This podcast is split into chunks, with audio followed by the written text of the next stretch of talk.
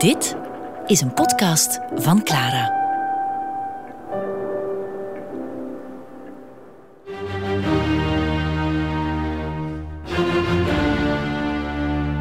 Beethoven met Jan Kaiers.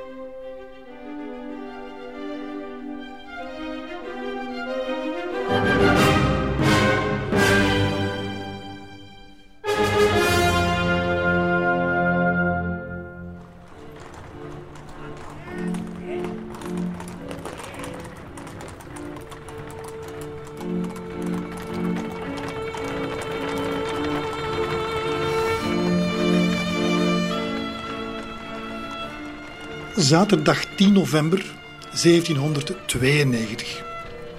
Het is een iets wat grauwe herfstdag in Wenen. Koud is het niet echt, maar door de dichtbevolkte hemel hangt er over de stad een ongezellige, zelfs iets wat akelige atmosfeer. De koets waarin Beethoven zit, heeft moeite om zich weg te banen door de smalle straten. Het is er een drukte van je welste, soms raakt de koets maar amper vooruit in de menigte.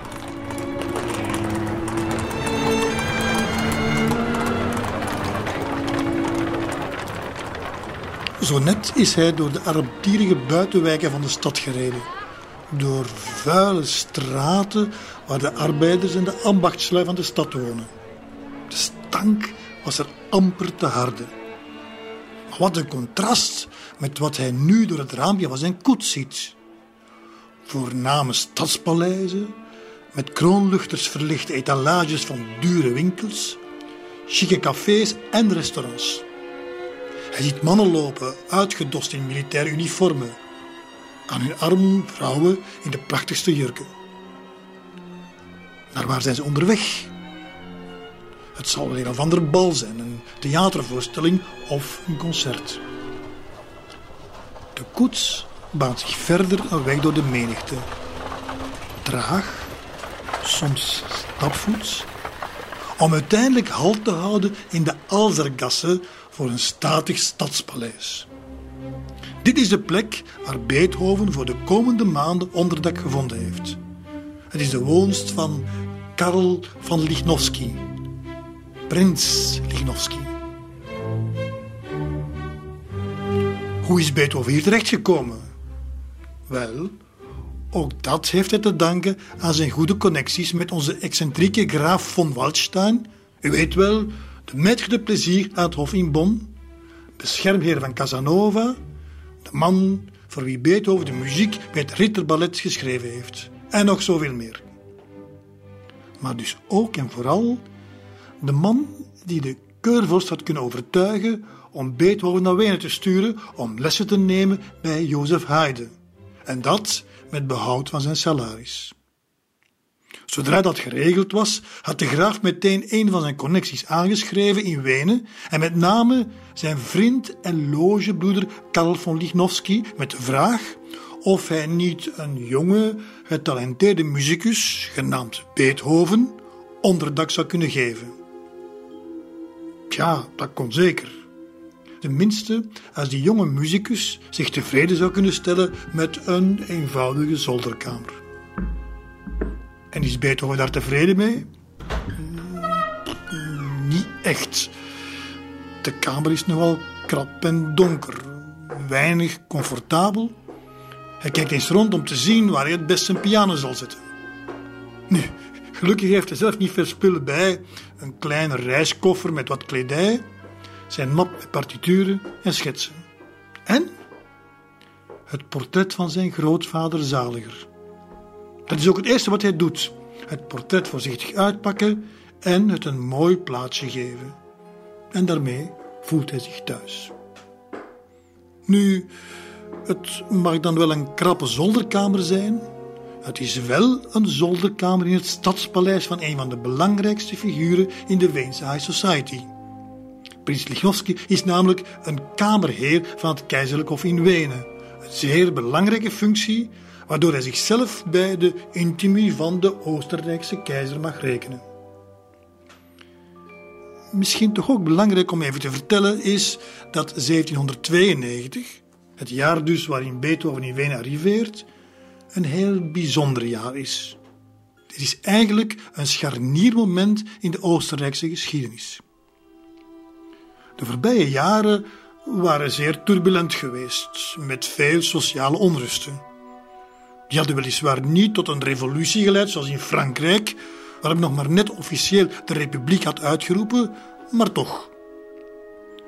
Dat het in Oostenrijk niet zo ver is kunnen komen, had alles te maken met de nogal hervormingsgezinde koers van keizer Leopold II, opvolger van Jozef II, voor wie Beethoven nog, naar aanleiding van zijn troonsbestijging, nog een feestelijke kantaat had geschreven. Na zijn plotse dood was Leopold II opgevolgd door keizer Frans II, die helaas uit een heel ander hout gesneden was. Hij was zeer behoudsgezind, zeg maar ondermaats intelligent, liever lui d'amour en leidend aan een ziekelijke vorm van revolutieneurose. Hij had zich nota bene laten kronen op de 14e juli, de verjaardag van de Franse Revolutie. Je moet maar durven. Of niet beter weten. Dat soort man was hij dus. Maar dat maakte dus dat veel mensen in Wenen zich grote zorgen begonnen te maken. Er hing een gespannen sfeer. In de straten gonsde het van geruchten en allerlei complottheorieën. Leopold II zou vermoord zijn door een geheime groep reactionairen omwille van zijn al te liberale ideeën. De zus van Leopold II, niemand minder dan Marie-Antoinette, dacht dat het de Franse revolutionairen waren die haar broer hadden geliquideerd met de bedoeling een Oostenrijkse interventie in Parijs te verhinderen. Die poging zou er wel degelijk komen. In september 1792 waren de Pruisische troepen die een coalitie vormden met de Oostenrijkers opgemarcheerd naar Parijs, maar dus tot stilstand gebracht tijdens de slag van Valmy. Brutto pech overigens voor Marie-Antoinette, en haar man Lodewijk XVI, want die waren enkele weken voordien gevangen genomen door de extremistische sans-culotten. De koninklijke familie werd opgesloten in de Tour du Temple in Parijs en zoals we weten was daarmee hun lot bezegeld.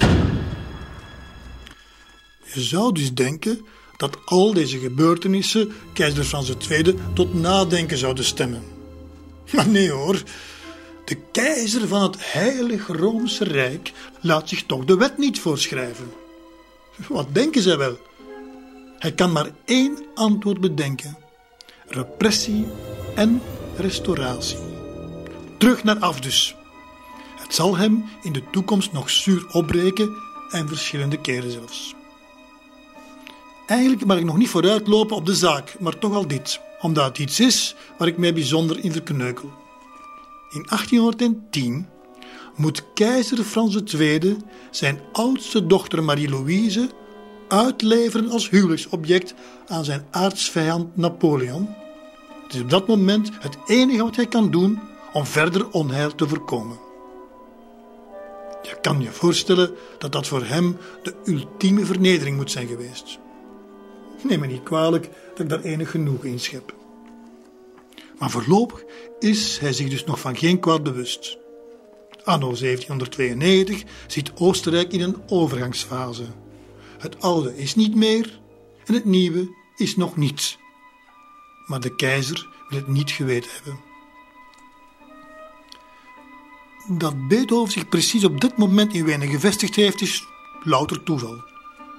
Maar tegelijkertijd bijzonder betekenisvol. Voor gewone mensen zijn zulke overgangsperioden zorgwekkend en zelfs beangstigend. Voor grote kunstenaars zijn ze evenwel een vruchtbare voedingsbodem.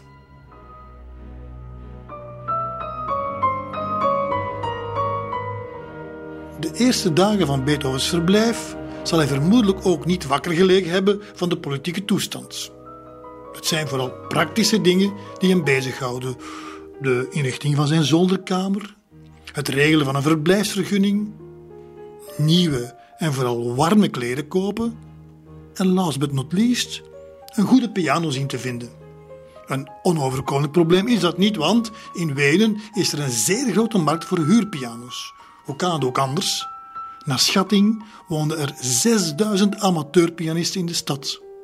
Tel daarbij nog 300 professionele pianoleraars, dan weet je dat het om een zeer lucratieve business ging. Maar Beethoven is uiteraard kieskeurig en er komt heel wat speurwerk aan te pas vooraleer hij een instrument vindt dat aan zijn hoge eisen voldoet. En daardoor kost het hem ook meer dan hij vooropgesteld had.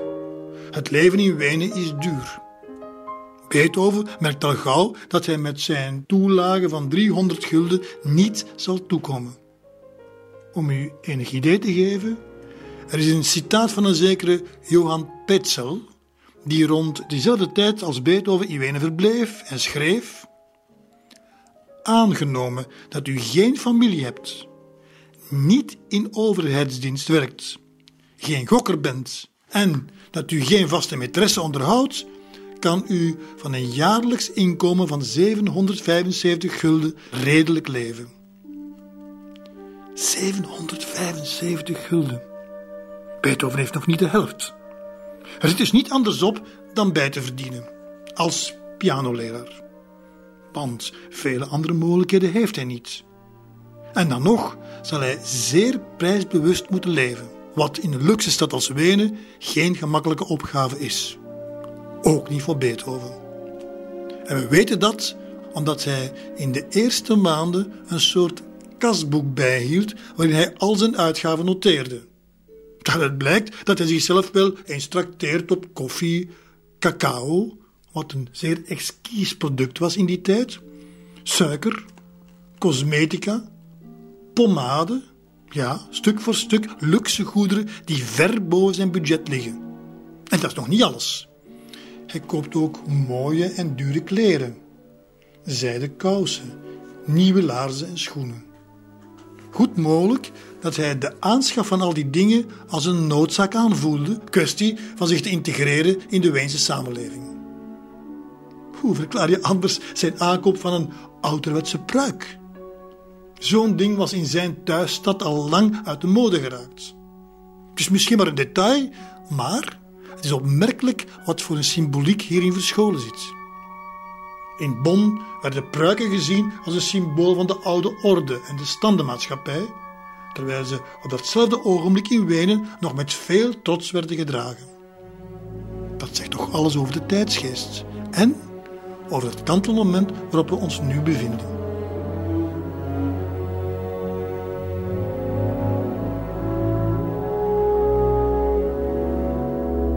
Maar goed, Beethoven is dus vestimentair goed uitgerust om zich van zijn taken te kwijten, om te doen waarvoor hij gekomen is, zijn enige echte doel, en dat is compositielessen te nemen bij Jozef Haydn. Enkele keer per week gaat hij dus naar de Zeilerstätte, waar de oude meester hem ontvangt.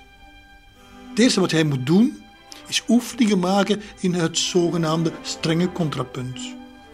Vervolgens laat Haydn hem werken van Mozart en van hemzelf overschrijven, wat ook een beproefde pedagogische methode is. Maar eens de theorie achter de rug is, houden ze zich toch vooral bezig met het uitwisselen van ideeën. Ideeën over de nieuwste compositietechnieken. Vooral op het gebied van het strijkkwartet en de symfonie kon Beethoven zich eigenlijk geen betere leraar wensen. Haydn had daarvoor met veel experimenteren een compleet eigen en modern compositiesysteem uitgedokterd. Maar nog belangrijker dan de lessen was de praktijk. Beethoven mocht in de zomer van 1793 Haydn vergezellen op een reis naar Eisenstadt, zeg maar op een soort stage. Haydn moest in Eisenstadt de repetities leiden voor zijn nieuwe reeks Londense symfonieën wat natuurlijk zeer leerzaam was voor Beethoven. Maar misschien nog leerzamer was het feit dat hij van heel nabij het scheppingsproces mocht volgen van enkele strijkkwartetten die Haydn daar componeerde. Inclusief het vervaardigen van het orkestmateriaal, het maken van een repetitieschema, het soort zaken die hem later nog zeer goed van pas zouden komen.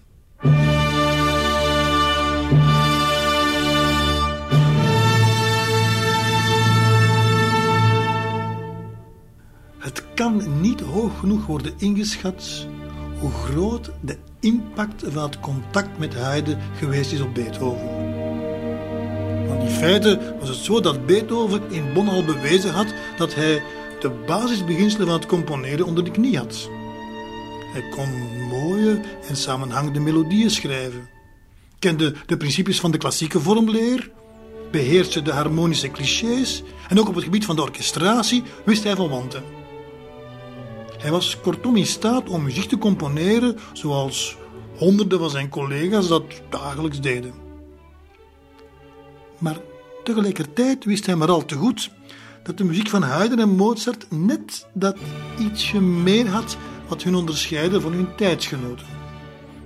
Complexere thema's, een rijkere polyfonie, gewaagde modulaties en vooral een dosis goed doordachte onvoorspelbaarheid. Beethoven wou ook zo componeren. En zijn stage bij Haydn gaf hem de unieke gelegenheid om met open ogen en oren zich dat creatieve surplus eigen te maken.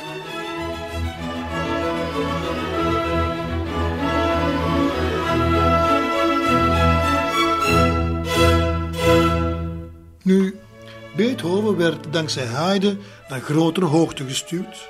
Maar omgekeerd was Haydn ook wel in zijn schik met zijn talentvolle leerling. Haydn beseft dat Beethoven het in zich heeft om een groot componist te worden. Hij kan hem daarbij helpen, maar dan zal Beethoven toch nog wat langer in de leer moeten blijven. Helaas, Beethovens verblijf in Wenen was maar voorzien voor één jaar. En dat jaar is nu bijna voorbij. Vergeet niet dat Beethoven officieel nog steeds in dienst is van de keurvorst. En vermits het ook de keurvorst is die de kosten draagt, kan je hem dus niet kwalijk nemen dat hij na een jaar een soort return on investment wil. Haydn stuurt een brief waarin hij de keurvorst zeer nederig verzoekt om Beethoven toch wel langer in Wenen te kunnen houden, of hij daarom alsjeblieft Beethovens studiebeurs zou willen verlengen en, indien mogelijk, mocht het niet te veel gevraagd zijn, zijn beurs zelfs een beetje op te trekken. Verder schrijft hij dat zijn leerling zeer zuinig omspringt met zijn toelage en dat hij grote vorderingen maakt op compositorisch vlak. En om daarvan een bewijs te leveren, voegt hij enkele partituren toe van Beethovens nieuwste composities. En ook Beethoven stuurt een brief. Eerwaarde, doorluchtige, genadige heer Keurvorst. Ik stel mezelf als hoogste doel om mij de goedheid van uw keurvorstelijke genade zo waardig mogelijk te tonen. Daarom heb ik in het afgelopen jaar alle energie besteed aan muziektheoretische vakken, zodat ik in het komende jaar in staat zal zijn om uw keurvorstelijke doorluchtigheid iets te overleggen dat meer in overeenstemming is met uw edelmoedigheid jegens mij en uw verhevenheid in het algemeen, dan hetgeen uw keurvorstelijke doorluchtigheid door de heer Haydn wordt toegezonden. Erop vertrouwend dat uw keurvorstelijke doorluchtigheid de mij verstrekte toelage zal voortzetten, verblijf ik met de grootste eerbied uw keurvorstelijke, doorluchtigheids, alleronderdanigste en gehoorzaamste Ludwig van Beethoven.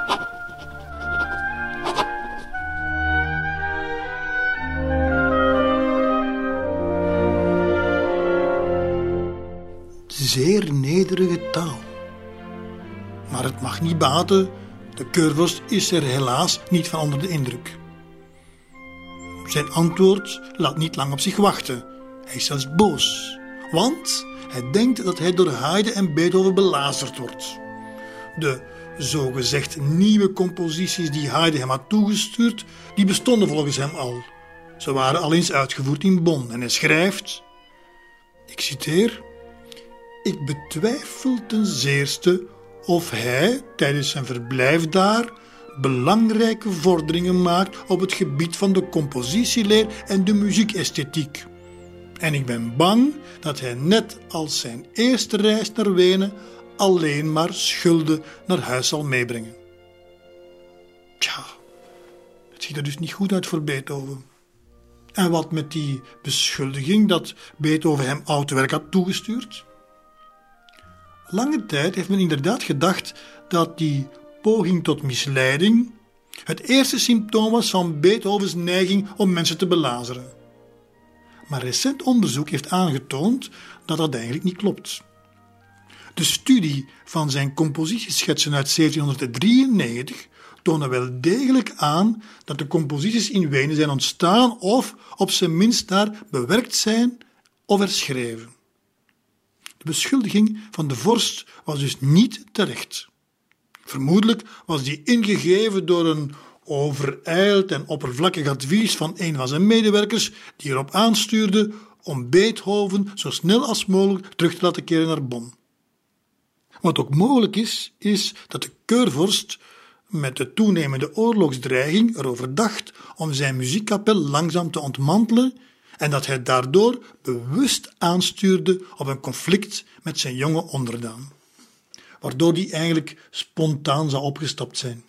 Hoe dan ook, de keurvorst gaf uiteindelijk toch Beethoven de toestemming om in Wenen te blijven, maar hij draaide wel de geldkraan dicht.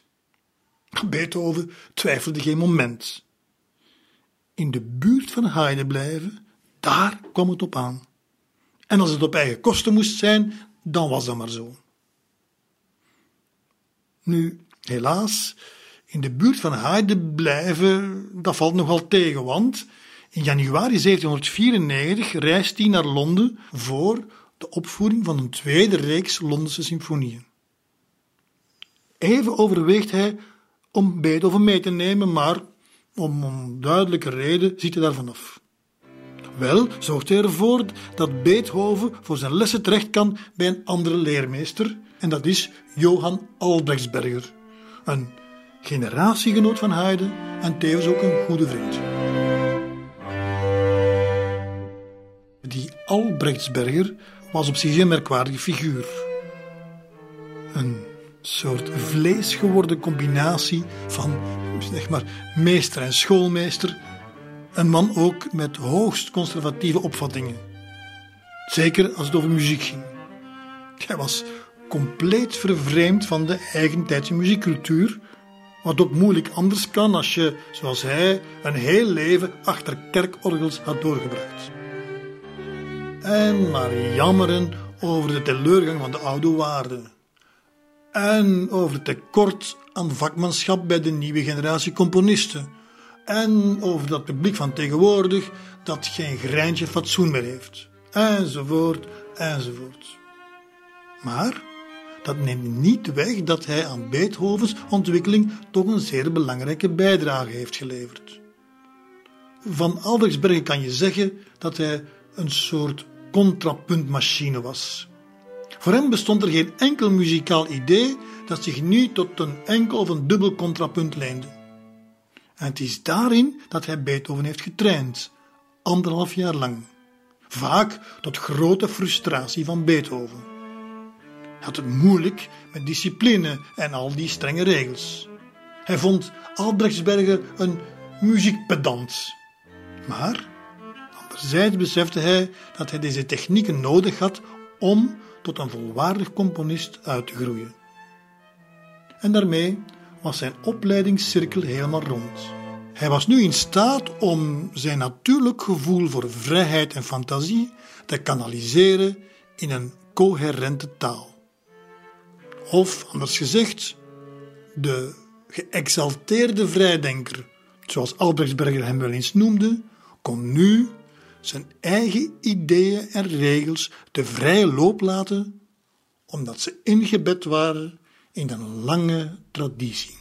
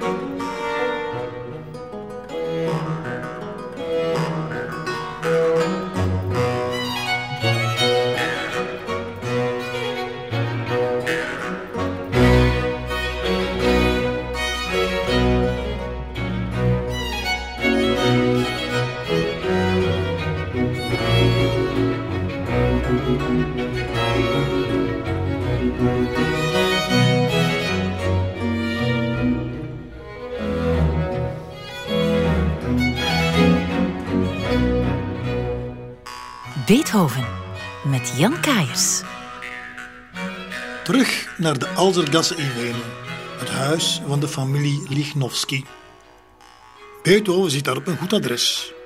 Ik vertelde u reeds dat hij bij zijn aankomst in Wenen in november 1792 onderdak gevonden had bij Lichnowsky op voorspraak van graaf von Waldstein. Onderdak in de letterlijke betekenis van het woord in een zolderkamertje.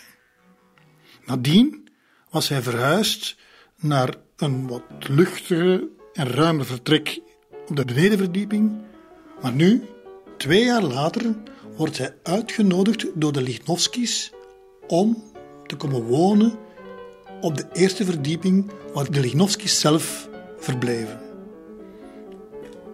En dat heeft een reden. Van in het begin moeten de Lichnowskis gehoord hebben hoe bijzonder het pianospel van Beethoven wel moet geweest zijn en hoe indrukwekkend zijn jonge, vroege composities waren. En dat moet wel indruk gemaakt hebben, zeker omdat Karl von Lichnowsky een kenner was. Hij beschikte niet alleen over een indrukwekkende stamboom, maar hij had vooral een zeer grote passie voor muziek. Dat was iets dat hij had overgehouden aan zijn studententijd in Leipzig. Daar was hij helemaal in de ban geraakt van de muziek van Bach. En wel zozeer dat hij na zijn studies terug in Wenen meteen begonnen was met het nemen van pianolessen en meteen ook bij de beste. Niemand minder dan Wolfgang Amadeus Mozart. Lichnowsky en Mozart leerden elkaar goed kennen. We werden zelfs vrienden. Hoewel, vrienden, dat is een beetje te veel van het goede. Om echte vrienden te kunnen zijn, moet je maatschappelijk op dezelfde hoogte staan.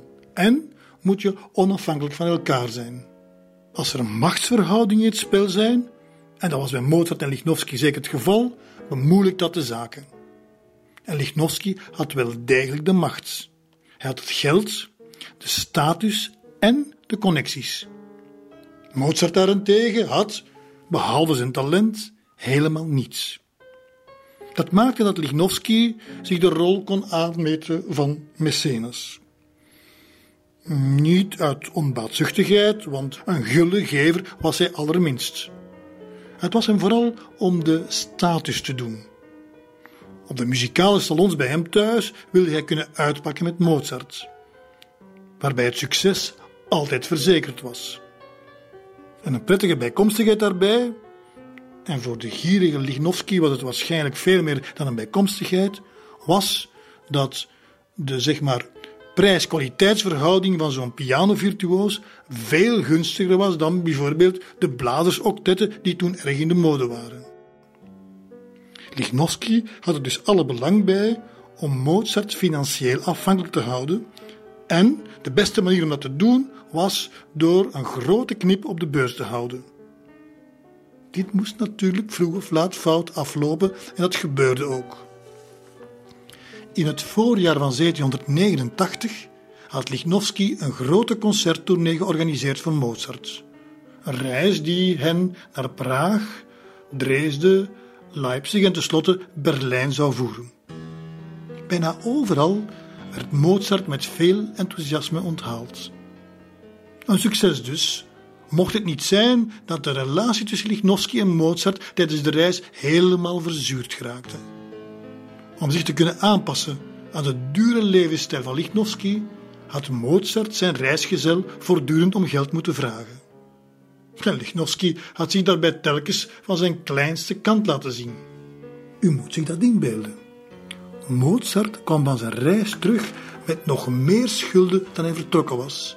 En daarmee was voor hem de maat vol. Maar Lichnowsky liet het er niet bij. Hij daagde Mozart voor de rechter. Stel u voor.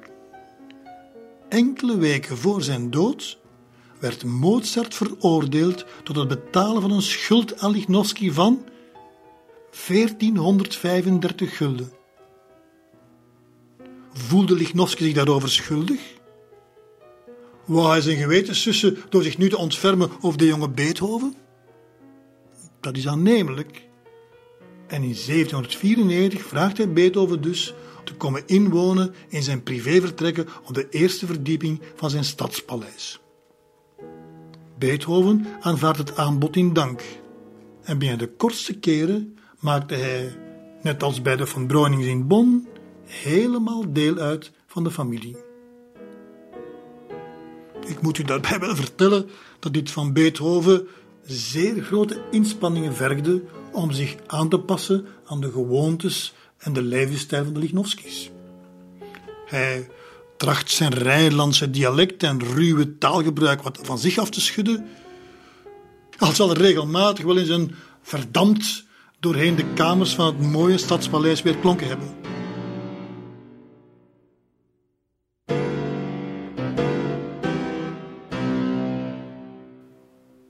Op een bepaald ogenblik volgde hij zelfs danslessen.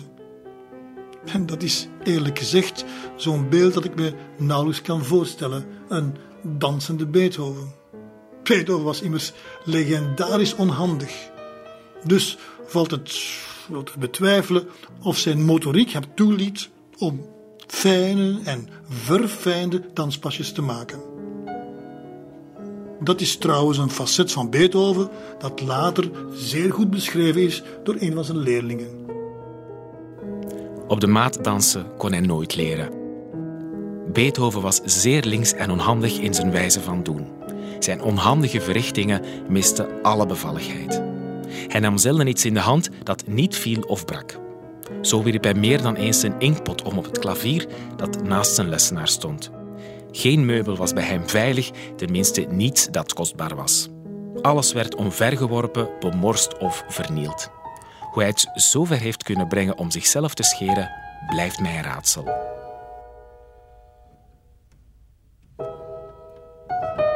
Ik denk dat we hier gerust kunnen uitbesluiten dat Beethoven zich in het Lichnowsky-paleis moet hebben gevoeld als een olifant in een porseleinwinkel. Maar waar hij vooral moeite mee had, was het voor hem vreemde bioritme van de familie. Dat was iets typisch voor die tijd in Wenen. Bij de adellijke families steeg de sociale status naarmate men zich kon permitteren om later op te staan en bij uitbreiding dus ook later te middagmalen. En nog iets waar Beethoven zich enorm aan ergerde: de tijd en de energie die ze nodig hadden om zich klaar te maken om naar een of ander evenement te gaan, de juiste vereiste kledij daarvoor te kiezen. Bij mevrouw Lichnowsky was dat alleen al een halve dagtaak. Alles dus voor de vorm. De inhoud was maar bijzaak. Laten we madame de Staal even citeren. Want ze heeft ooit het leven van de Weense High Society in die tijd perfect samengevat. Ik citeer: De geneugden werden er behandeld als een plicht. Verstrooiing werd er met dezelfde stiptheid aangepakt als de zakelijke bezigheden. En de tijd werd er even systematisch verdaan als benut. Maar er was ook nog iets anders. Dat lichtvoetige en vrolijke leven, die overspannen oppervlakkigheid, moest vaak een ander gevoel camoufleren. Met name een soort tristesse, die deels met de Weeners zelf te maken had, maar ook deels met het tijdsklimaat. Noem het een fijne gevoel. De wanhoop over het feit dat er andere tijden op komst waren. Tijden waarin het niet langer mogelijk zou zijn om hun decadente levensstijl aan te houden. Het virtuoze consacreren van het moment was het enig mogelijke alternatief voor dit gevoel van impasse. Een soort buffer tussen het heerlijke nostalgische verleden en de onzekere toekomst.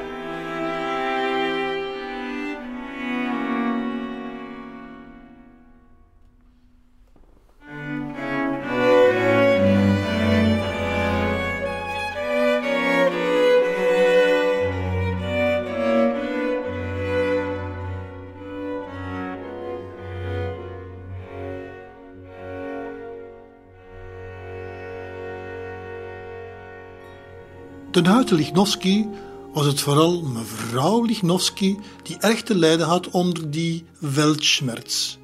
En dat resulteerde bij haar in een soort chronische melancholie. Al kunnen we ook aannemen dat die ook wel andere oorzaken had. Haar slechte huwelijk bijvoorbeeld. En daarbij moet ik toch een kleine anekdote vertellen. Eén die belangrijk is om te begrijpen in welke situatie Beethoven hier terechtgekomen is. Marie Christiane Lichnowsky stond, voor haar huwelijk met Karl Lichnowsky, in Wenen bekend als een van de drie Gratien. Het waren drie bloedmooie zussen en op een bepaald ogenblik de meest begeerde debutantes in Wenen. Je ziet ze zo lopen op een zomerse zondag in de Prater. Maar helaas stevast in het gezelschap ook van hun moeder. Dat was de gravin Toen.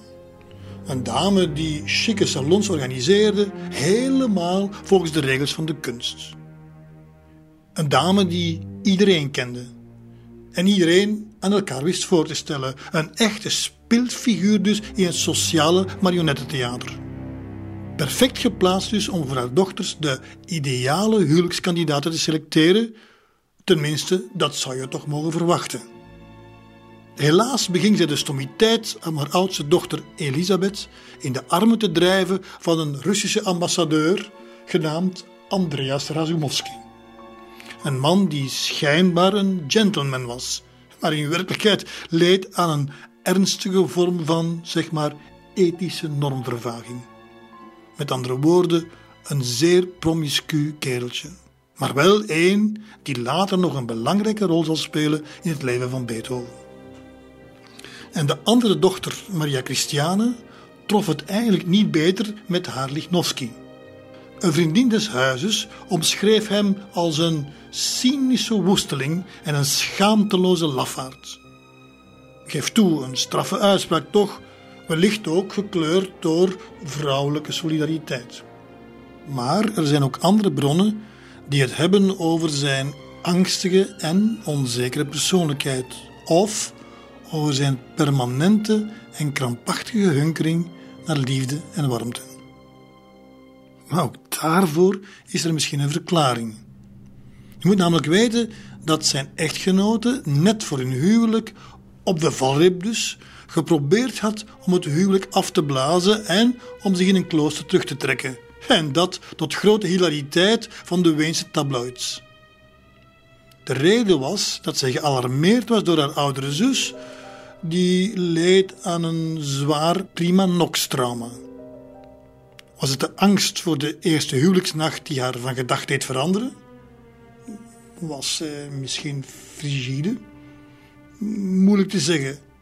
Maar het is wel geweten dat Lichnowsky minstens één buitenechtelijk kind heeft verwekt, dat vervolgens door zijn echtgenote met veel liefde werd opgevoed. Je zou eigenlijk ook kunnen zeggen dat ze dat met Beethoven heeft gedaan. Zij omringt hem met al haar moederlijke zorgen, bijna alsof het haar eigen kind is. Men heeft me daar met een grootmoederlijke liefde willen opvoeden die zo ver ging dat het weinig scheelde of de prinses liet een stolp over mij maken, zodat het gespuis me niet kon aanraken. Een stolp. Hij kon geen beter beeld gekozen hebben, want dat is precies wat de Lichnowsky's doen. Leven onder een stolp. Een wereldvreemd leven waarin men zich enkel in de eigen kringen begeeft. Beethoven ervaart het bij momenten als verstikkend. Maar ja, aan de andere kant laat hij het zich dan toch wel wel gevallen. Uit dankbaarheid draagt hij zelfs de eerste pianotrio's aan hen op. En niet zomaar wat pianotrio's. Dat zijn stukken waarin de piano bijna getransformeerd wordt in een soort orkest. Je zou kunnen zeggen dat de schotten tussen de genres, die tot dan toe zeer sterk aanwezig waren, door Beethoven worden opgeheven. Beethoven denkt in deze klaviermuziek echt symfonisch. En in de langzame delen hm, kan je een soort orkestrale tristesse en weltschmerz horen. een beetje de atmosfeer die ten huize van Lichnowsky door elke kier en spleet kwam uitgewasemd.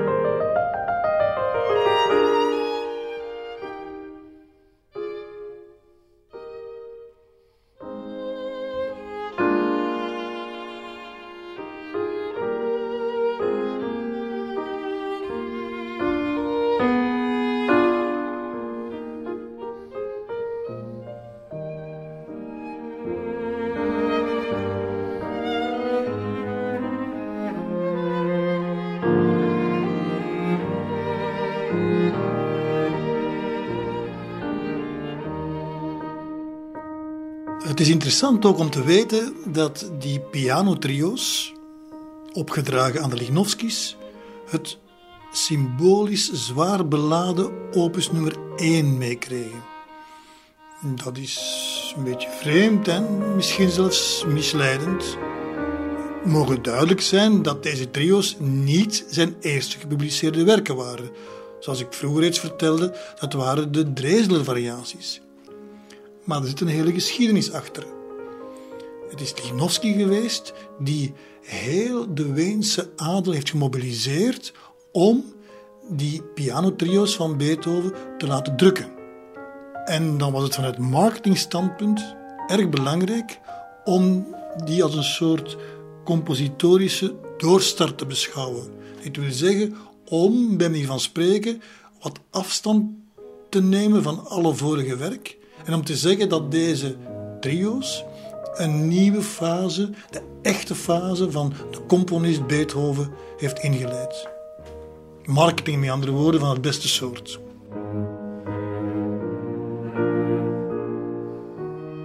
Het ideale middel dus om de carrière van Beethoven als componist in Wenen te lanceren. En om zich dus voor te stellen aan het grote publiek. Nu, ja, ik zeg wel het grote publiek, maar eigenlijk valt dat wel wat tegen. Hè? Beethovens publiek was tijdens zijn eerste Weense jaren eerder beperkt. Je kan echt zeggen dat het in het kleine kringetje van de adellijke salons was dat hij zijn kans kreeg om zijn werk te presenteren. Vooral natuurlijk bij de Lichnowskis. Beethoven speelde er lange solo-improvisaties af en toe afgewisseld door kamermuziekwerken, waarbij zich dan liet begeleiden door muzicerende aristocraten. Die konden dat overigens ook. En heel af en toe speelde hij ook nieuw werk. Een werk dat hij op dat ogenblik aan het componeren was. Kwestie van een keertje uit te testen bij het publiek.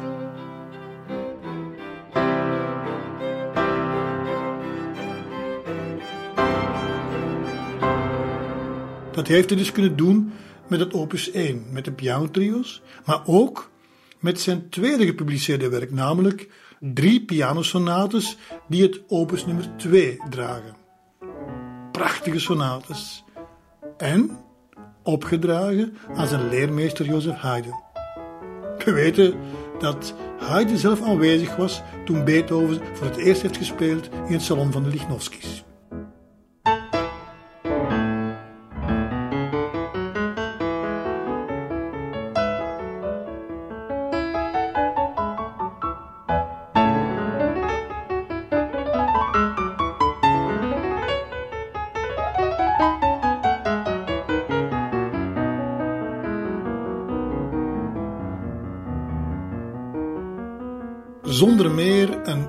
Prachtige sonate, opgedragen dus aan zijn leermeester Haydn. Waar Beethoven ook regelmatig te gast is, is bij Baron von Swieden. Een man die ontzettend belangrijk is geweest voor de Weense muziek. Hij was vriend van Mozart en van Haydn, schreef onder andere het libretto voor diens Schöpfung en vooral, hij was een grote Bach-fanaat. Op zondag organiseerde von Suite concerten bij hem thuis. En daar was Beethoven uiteraard meer dan welkom, want wie anders was er in staat om het wohltempererde klavier zo goed uit te voeren als hij?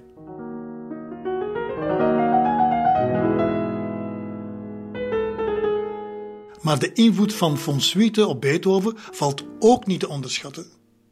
Als kenner van de oude muziek heeft hij Beethoven enorm veel bijgeleerd. Iets wat hij trouwens ook voordien bij Mozart had gedaan. Hij liet Mozart kennismaken met de fugas van Bach, waardoor die op zijn beurt ook gestimuleerd werd om fugas te gaan schrijven. Er bestaat overigens een leuke getuigenis van die bijeenkomst in het huis van baron van Swiete, waarin verteld wordt dat Van Swiete een onlesbare dorst had naar muziek. En dat hij er bij Beethoven altijd op aandrong om helemaal tot de laatste te blijven. Voordat hij mocht gaan, moest Beethoven nog een stuk of zes fugas van Bach spelen als laatste gebed.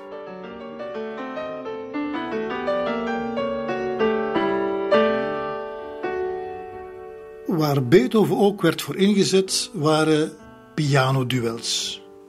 Dan werd hij door Lichnowsky uitgespeeld tegen een collega. En dit tot groot vermaak van het publiek, dat dan de taak kreeg om uit te maken wie van de twee de beste was. Beethoven had er eigenlijk een grondige hekel aan, omdat hij wist dat de reacties van de verliezende tegenspelers zeer onvoorspelbaar konden zijn. Het kon goed uitdraaien, zoals die ene keer dat hij het moest opnemen tegen Jozef Gelinek. Gelinek reageerde verbazingwekkend sportief. Niet alleen erkende hij Beethoven zijn meerdere, in al zijn bewondering schatte hij hem zelfs hoger in dan Mozart. Deze jongeman is bezeten van de duivel. Ik heb nooit iemand zo horen piano spelen. En hij improviseerde op een thema dat ik hem gaf op een manier die ik zelfs van Mozart niet gehoord heb. Hij haalt uit de piano de moeilijkste dingen en effecten waarvan niemand van ons ooit heeft kunnen dromen.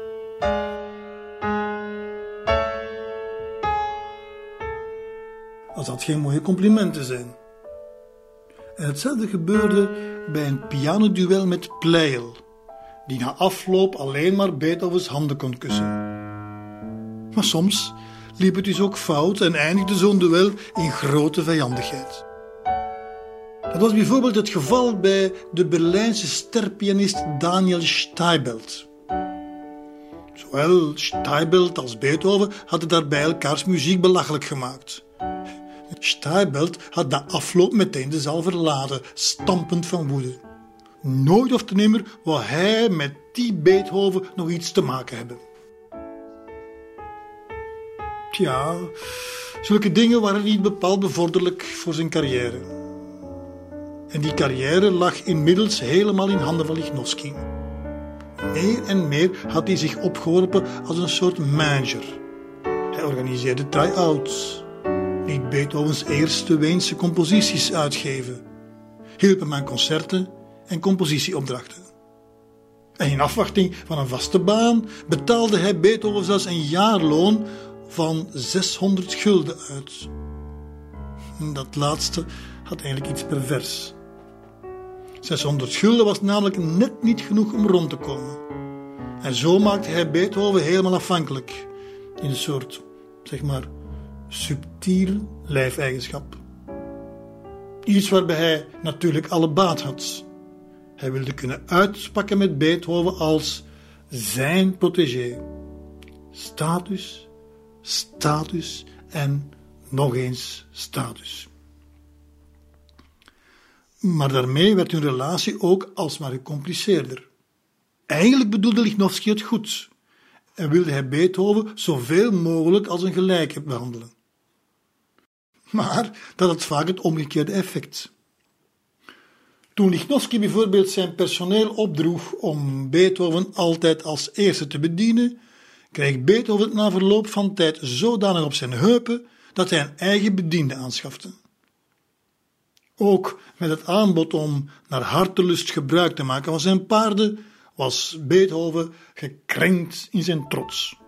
Het gevolg, Beethoven, die eigenlijk niet eens in staat was om voor zichzelf te zorgen, kocht zich een eigen paard.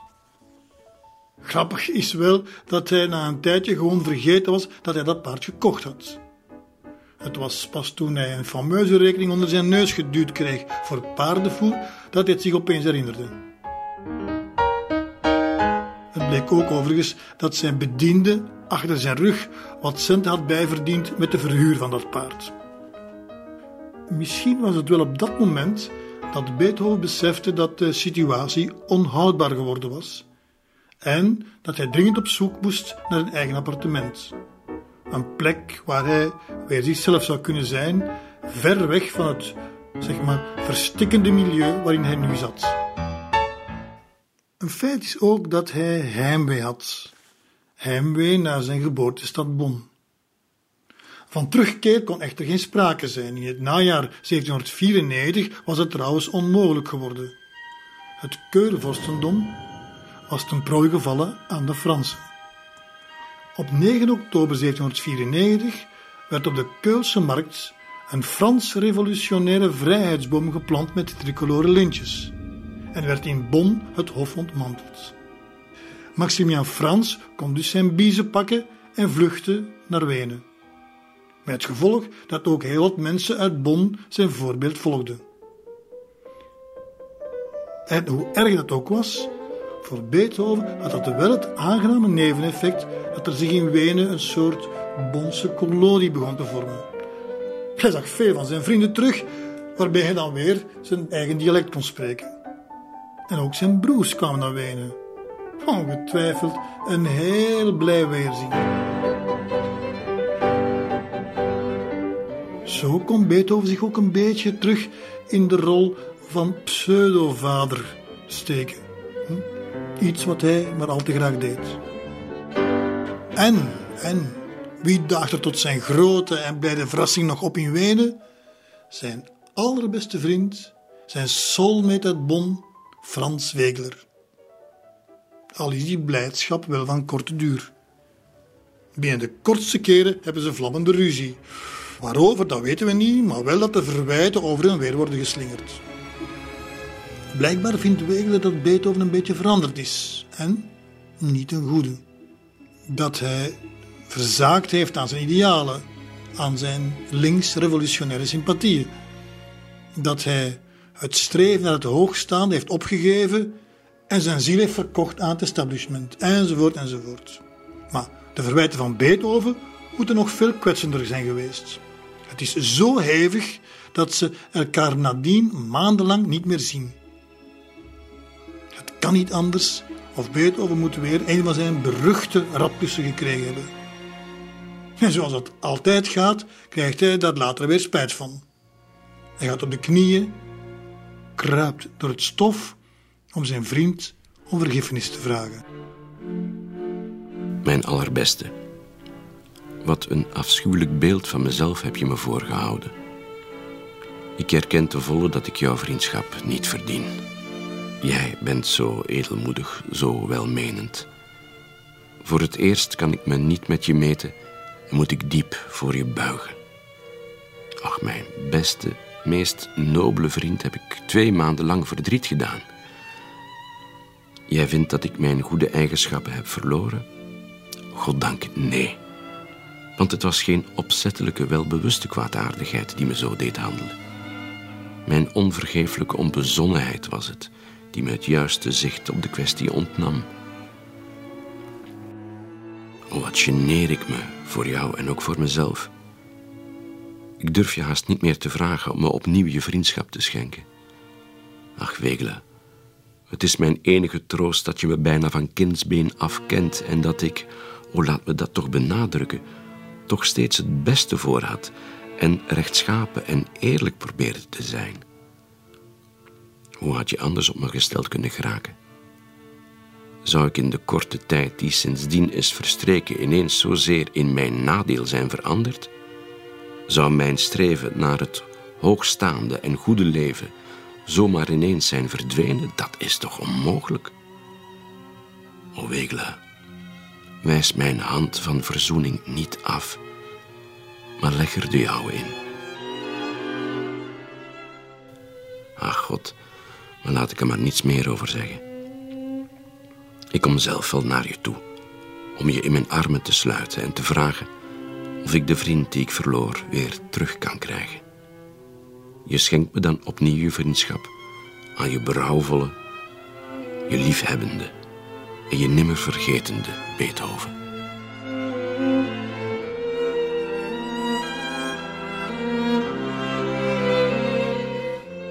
Brokken maken en lijmen, the story of his life. Maar de vriendschap met Wegler was hem dan ook zeer dierbaar. Misschien had dat ook wel te maken met het feit dat eh, Beethoven altijd moeite had om nieuwe vriendschappen te sluiten. Omdat hij zich in Wenen toch altijd een beetje als een buitenstaander bleef voelen? Of had het te maken met zijn moeilijke karakter? Het kan geen toeval zijn dat die weinige vrienden van Beethoven mensen waren met een hoog empathisch gehalte. Dus Frans Wegeler bijvoorbeeld was tenslotte toch arts. Een ander vriend, Karl Amenda, was een soort predikant. Hij was violist, een muziekkenner, maar had toch een humanitaire missie in zijn leven en was dus eigenlijk zeer goed gewapend om Beethoven en de psyche van Beethoven heel goed te doorgronden en daarmee om te gaan.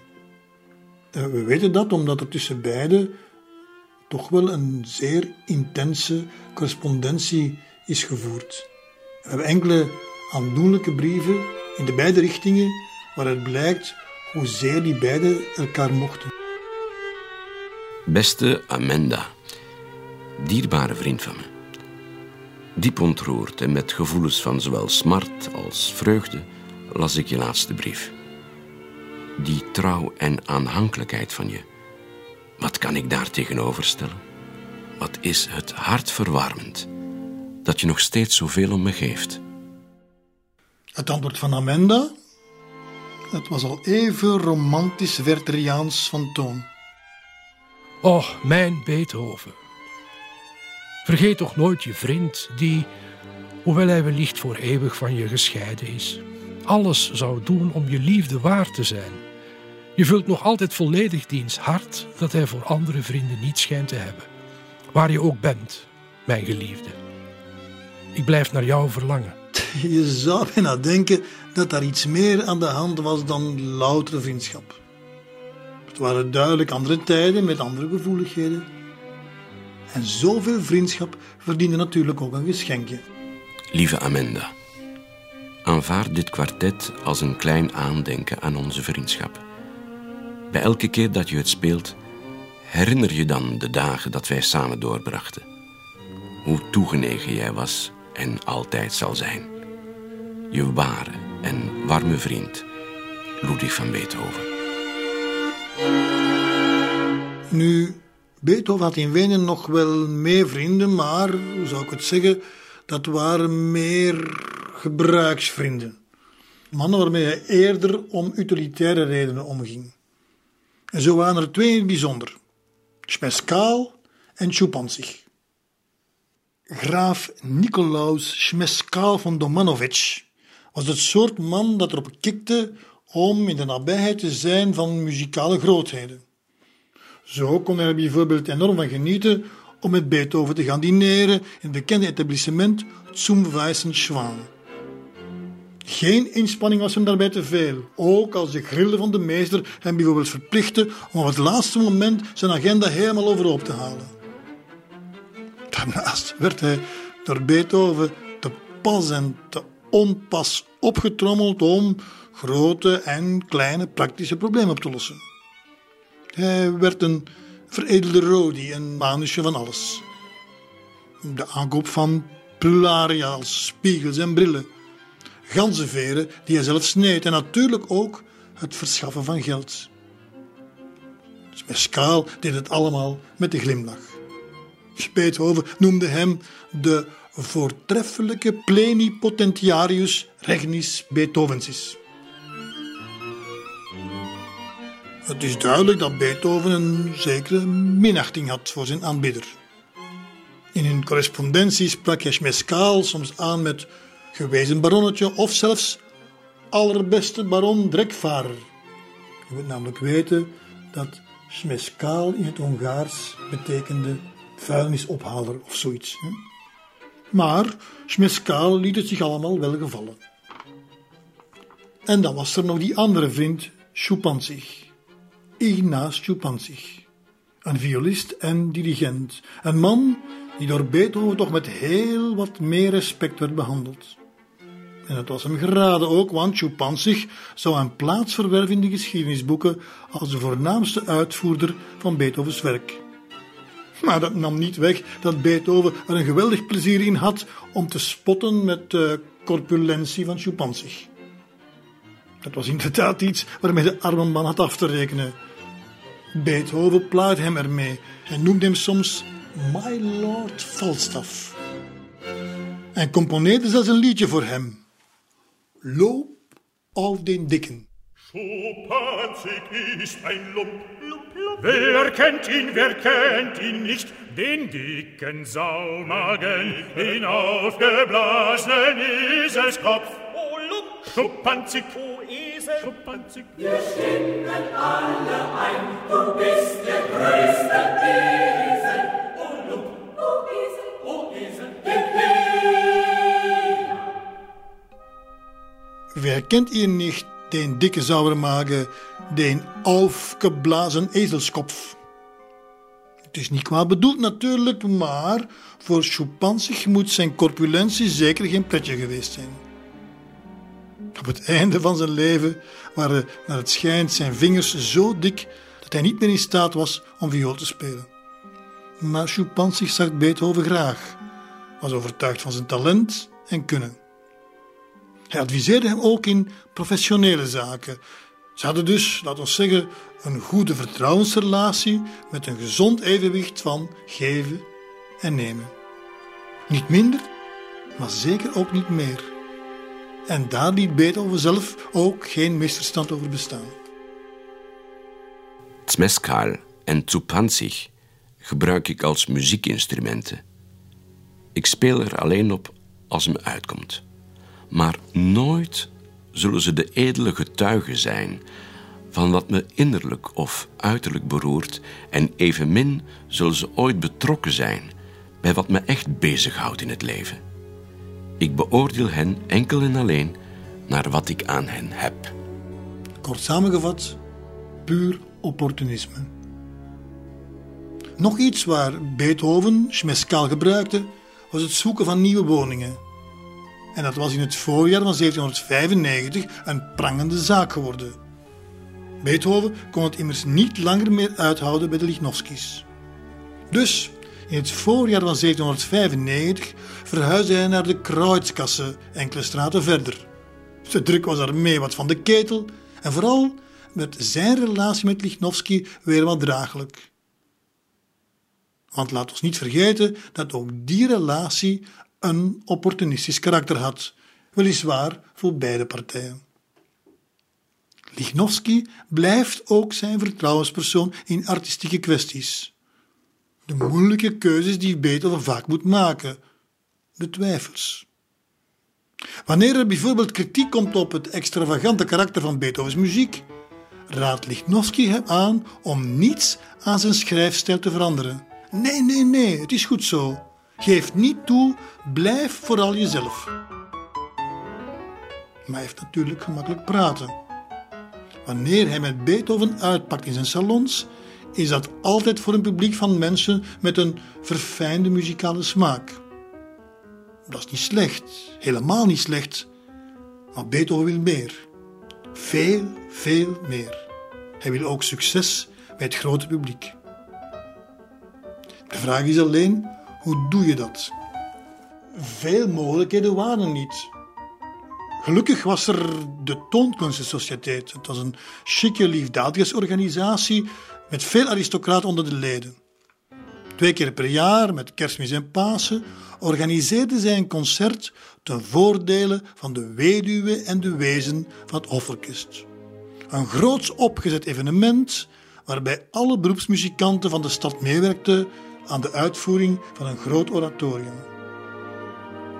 Maar wat het interessant maakte was dat er tijdens de pauze telkens een concerto werd gespeeld door ofwel een internationale vedette ofwel een aankomend talent.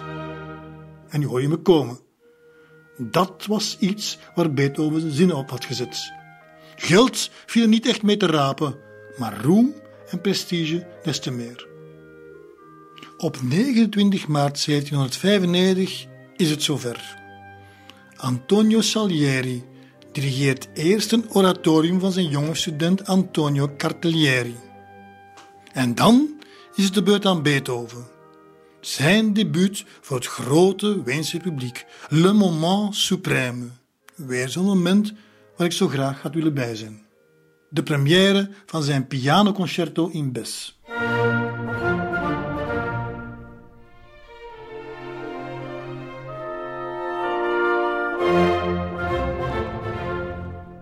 Beethoven heeft zijn pianoconcerto laten aankondigen als een volkomen nieuw stuk. En eigenlijk klopt dat niet helemaal. Het is een concerto dat hij al veel eerder in Bonn heeft gecomponeerd. En eigenlijk kan je dat horen. De thema's klinkt er iets van Mozart door. Een wat veilige keuze. Ja, misschien wel gedaan om het publiek niet te bruskeren. Het is muziek die aangenaam, vertrouwd in de oren klinkt. En dat doet luisteren. Ook aan de kleine bezitting kan je dat horen. Slechts zeven blazers, geen pauken, geen trompetten, wat toch ongewoon is naar Weense normen. Maar voor de gelegenheid heeft hij het stuk wel helemaal gereviseerd. Op het laatste moment is Beethoven er blijven aan sleutelen. Heeft bijvoorbeeld het middendeel helemaal overhoop gegooid. En bij het slotdeel is hij nog drastischer te werk gegaan. Hij heeft alles gewoon geschrapt en heeft gewoon een compleet nieuw stuk gecomponeerd. En hier heeft hij werkelijk alles uit de kast gehaald. Een nieuwe taal, grotere gebaren, ritmisch, diabolisch zelfs. Hier is van Mozart in de verste verte geen sprake meer. Dit is pure Beethoven. Jazz of een letteren. Het swingt zoals in jazzmuziek. Titom, titom, tadadari, wapom, pipom, pedadari.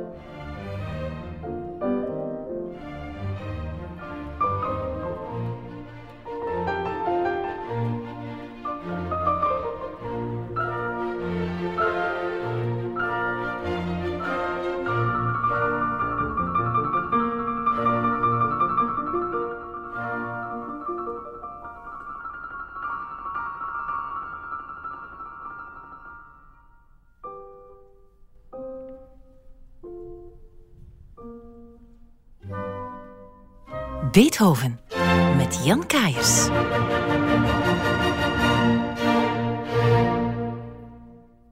Het publiek moet na die laatste noten even naar adem happen. Maar dan barst er een onverdeeld applaus los. Beethoven est arrivé. Of beter gezegd, Beethoven is vertrokken. Want een dag later mag hij alweer optreden op een ander benefietconcert voor de weduwe van Mozart. Moet voor Beethoven heerlijk geweest zijn. Te musiceren in het bijzijn van Constance en zich toch ook een beetje in het bijzijn van Mozart te voelen. En ook hier staat hij het publiek met verstomming. De trein zit echt op de rails nu. Tijdens de wintermaanden speelt hij nog twee grote concerten, telkens in het gezelschap van Haydn, die een paar van zijn Londense symfonieën aan het Weense publiek wil voorstellen. En het is op dat tweede concert dat Beethoven zijn tweede pianoconcerto, het concerto in Do groot, presenteert. En dat is een beetje verwarrend, Want dit concerto zal de geschiedenis ingaan als het eerste, omdat het gedrukt werd voor het concerto in B, waarover we daarnet hebben gesproken. Ik moet er wel bij vertellen dat dit een huzarenstuk was. Enkele dagen voor de opvoering moesten er vier kopiisten ingehuurd worden om de orkestpartijen van de nog natte partituur over te schrijven. Werk was bovendien zo ongewoon dat de gebruikelijke enige repetitie tijdens de ochtend van het concert niet volstond. Gevolg was dat er een extra repetitie werd georganiseerd ten huize van Beethoven zelf met de speelfiguren van het orkest. Maar ook dat dreigde te mislukken, dat het klavier een halve toon lager gestemd stond dan de orkestinstrumenten. Beethoven kon de situatie redden door, zonder blikken of blozen, het hele concerto een halve toon hoger te spelen. Stel je voor, een halve toon. Dat is onvoorstelbaar moeilijk. Een hele toon, ja, dat is ook niet simpel. Maar bon, dan komen de vingerzettingen nog ongeveer overeen. Maar bij een transpositie van een halve toon klopt er niks meer. Het is eigenlijk niet te geloven. Hè? Het is niet voor niks dat je dan kunt zeggen: hier is een genie aan het werk. Ik denk wel dat Beethoven daartoe in staat was, omdat hij niet technisch dacht. Beethoven dacht niet in noten, hij dacht niet in vingerzettingen, maar hij dacht gewoon aan de muziek. En dan is het misschien iets gemakkelijker om een stuk gewoon een halve toon op te schuiven.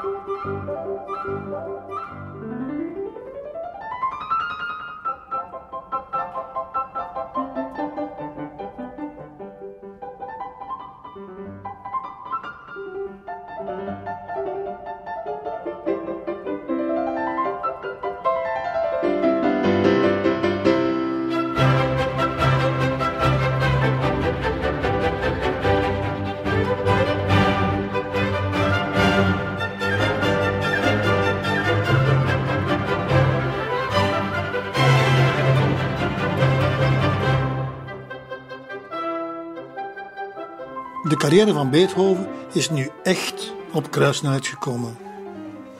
Met zijn pianoconcerto's heeft hij aan het Weense publiek al kunnen tonen waartoe hij in staat is en met succes. Een eigen symfonie Dat is de logische volgende stap.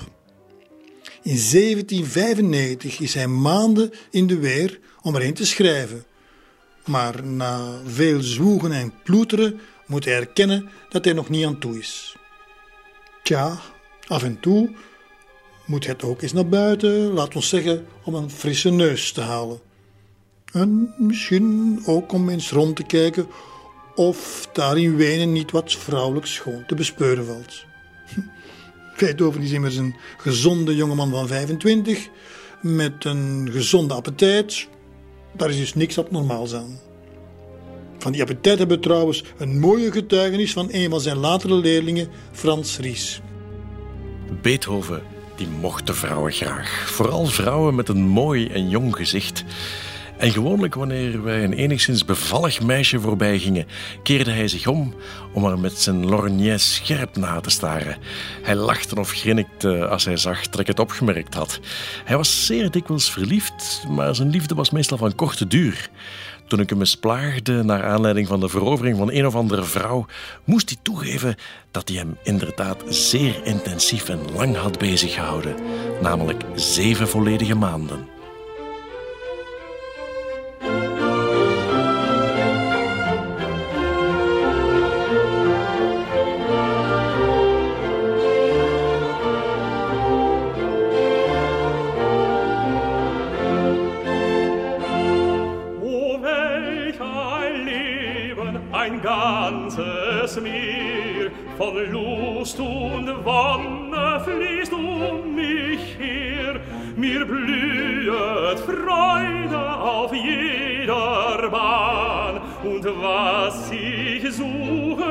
Das lacht mich an. Und was ich höre, ist Jubelton. Und was ich fühle, entzückt mich schon.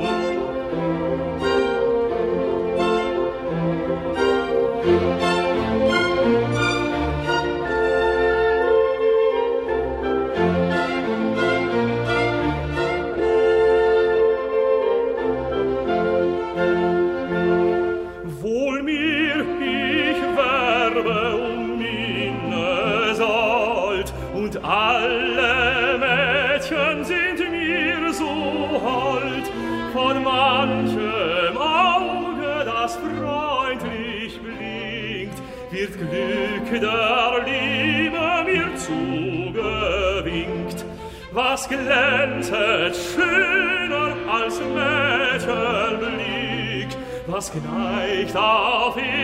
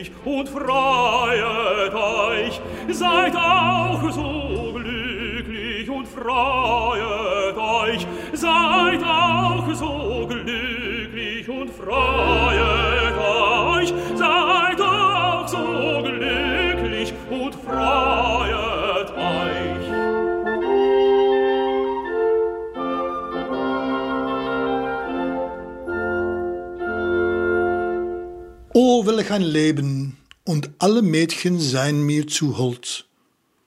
Zo was het maar net. Ik denk ook dat Beethovens eerste professionele successen hem alvast het nodige zelfvertrouwen gegeven hebben bij zijn amoureuze escapades in Wenen. En opportuniteiten waren er genoeg. Om wat bij te verdienen was hij immers pianoles beginnen te geven. Je moet weten dat hij daar eigenlijk een hartsgrondige hekel aan had. Om les te geven aan incompetente of middelmatige studenten, dan had hij eenvoudigweg het geduld niet voor. Maar door zijn leerlingen zorgvuldig te kiezen, en met name jonge adellijke dames die bij voorkeur rijkelijk bediend werden door de natuur, wist hij daarbij toch het nuttige met het aangename te combineren. Zo was er bijvoorbeeld ene Babette von Keglevich. Alweer een Babette, herinnert u nog de volmaakte Babette Koch waarvoor Beethoven in vuur en vlam had gestaan. Maar deze Babette was toch van een andere orde, een zeer gesofisticeerde en voorname jonge dame. Ze zou later nog de oprichtster worden van de Vereniging van Adellijke Dames om het goede en nuttige aan te moedigen. Verder was ze ook een uitstekende pianiste en, wat vooral voor Beethoven handig meegenomen was, was dat ze recht tegenover het paleis van de Lichnowskis woonde. Beethoven moest dus maar gewoon de straat oversteken als hij als ochtends les ging geven. En nu komt het. Hij deed dat gewoon in zijn kamerjas en pantoffels en nog met zijn slaapmuts op. De etiketten konden werkelijk gestolen worden. Maar blijkbaar was er niemand die daar aanstoot aan nam. Integendeel, het werd gezien als één van de charmes van de jonge kunstenaar. Heeft Babette von Keglevich ook Beethovens hart gestolen? En zo ja, was de liefde wederzijds? Kan haast niet anders of daar moet iets bewogen hebben. Er zijn verschillende composities die hij aan haar heeft opgedragen. Een ervan is zijn pianosonate nummer 4 in S groot, opus 7.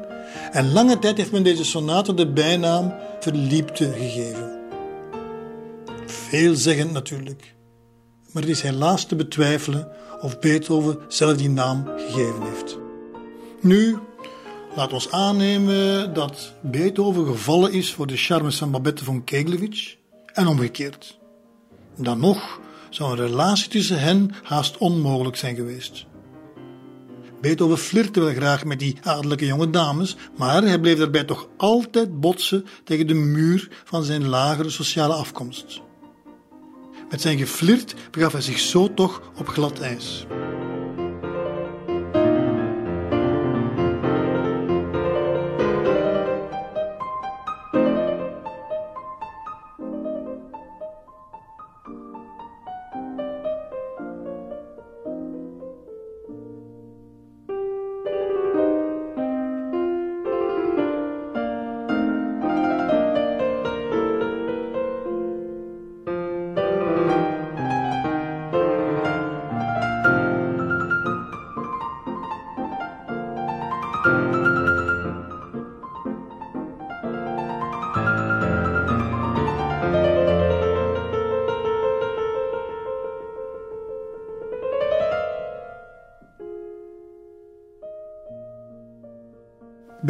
Nog een andere manier om in contact te komen met het vrouwelijke schoon, namelijk door het begeleiden van zangeressen. Iets wat hij in tegenstelling tot het lesgeven wel met graagte deed. Een van die zangeressen was Magdalena Wilman. En dat is een naam die in vette letters in de Beethoven-biografie geschreven staat. Strikt genomen hebben historici slechts weet van één serieuze affaire voor 1799. En dat was met deze Magdalena Wilman. Beethoven zou haar in 1795 of de laatste in het voorjaar van 1796 zelfs een huwelijksaanzoek hebben gedaan. Hij zou daarbij helaas een blauwtje hebben opgelopen. De kaarten lagen nogthans gunstig. Om te beginnen was Magdalena niet van adel, ze kwam uit het muzikantenmilieu in Bonn. Ze kende Beethoven dus al lang. Ze was net als zoveel andere muzikanten uit Bonn in Wenen beland na de val van het keurvorstendom. In Wenen werd ze in de chique salons meteen als een vedette onthaald. Ook Beethoven had daar ondertussen zijn plaats gevonden. Als zangeres had ze bij hem sowieso een paar streepjes voor. Een match beet in heaven dus met niets dat een huwelijk in de weg zou kunnen staan. Maar helaas, helaas, driewerf helaas. Toen zij voor de keuze stond, koos ze voor een rijke koopman uit Trieste. In de zomer van 1796 trad zij in het huwelijk en kon Beethoven niets anders dan zijn wonderlijke. Een nichtje van Magdalena Wilman zou later verklaard hebben dat Magdalena Beethoven te lelijk en een beetje half gek vond. Maar het is zeer de vraag of dat waar is. De uitspraak is alleszins in tegenspraak met de vele getuigenissen van Beethovens vrienden over zijn succes bij vrouwen. Wegler schrijft bijvoorbeeld in zijn memoires, ik citeer, ook in de periode dat ik in Wenen was, had Beethoven altijd liefdesverhoudingen. Hij deed veroveringen die voor menig Adonis misschien niet onmogelijk, maar toch moeilijk te evenaren waren. De echte reden waarom Beethoven is afgewezen, heeft vermoedelijk te maken met het feit dat Magdalena Wilman Beethoven te goed kende. Ze wist uit haar bondse tijd hoe het er bij de Van Beethovens thuis aan toe ging en op welke manier de vader zijn gezin bijna in de afgrond had gestort. Ze heeft waarschijnlijk het zeker voor het onzeker genomen door te trouwen met haar Italiaanse koopman.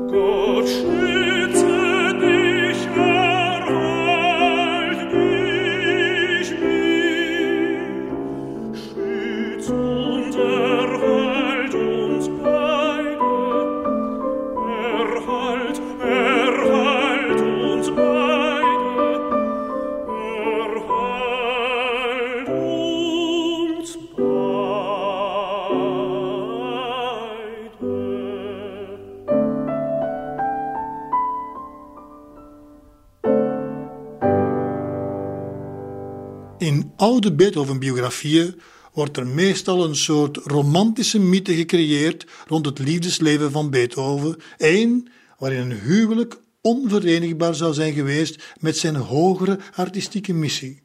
En dat de hoge priester van de kunst zichzelf een celibaatsverplichting had opgelegd. Ik denk dat het in werkelijkheid allemaal niet zo verheven was. Het verhaal gaat zelfs dat Beethoven ontmaagd zou zijn door een prostituee. Na een uit de hand gelopen feestje zou onze goede vriend Chopin hem een duwtje in de rug hebben gegeven. Uit pure schaamte zou Beethoven zich daarna enkele weken niet meer hebben laten zien. Er is een tendens in de Beethoven-literatuur om dit feit weg te moffelen, omdat het niet zou stroken met Beethovens idealistische opvattingen over liefde en seksualiteit. Zonder het eerste kon er volgens hem van het tweede geen sprake zijn. Maar of Beethoven in een stad waar het volgens Stefan Zweig moeilijker was een prostituee te ontlopen dan er een te vinden, nooit één voet zou hebben gezet in een bordeel of separé, al was het maar vanuit een gezonde nieuwsgierigheid, kan niemand garanderen. Ik dus ook niet. Süße Liebe, mach mein Leben süß, stille ein die regen Triebe, Sonderhindernis, Sonderhindernis.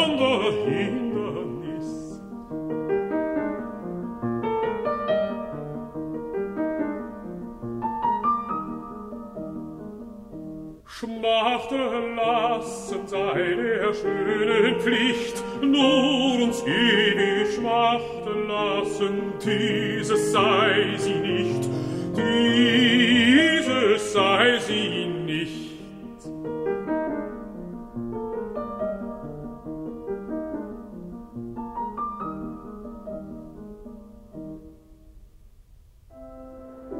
Ontdek ook onze andere podcasts via clara.be. Clara Podcast. Blijf verwonderd.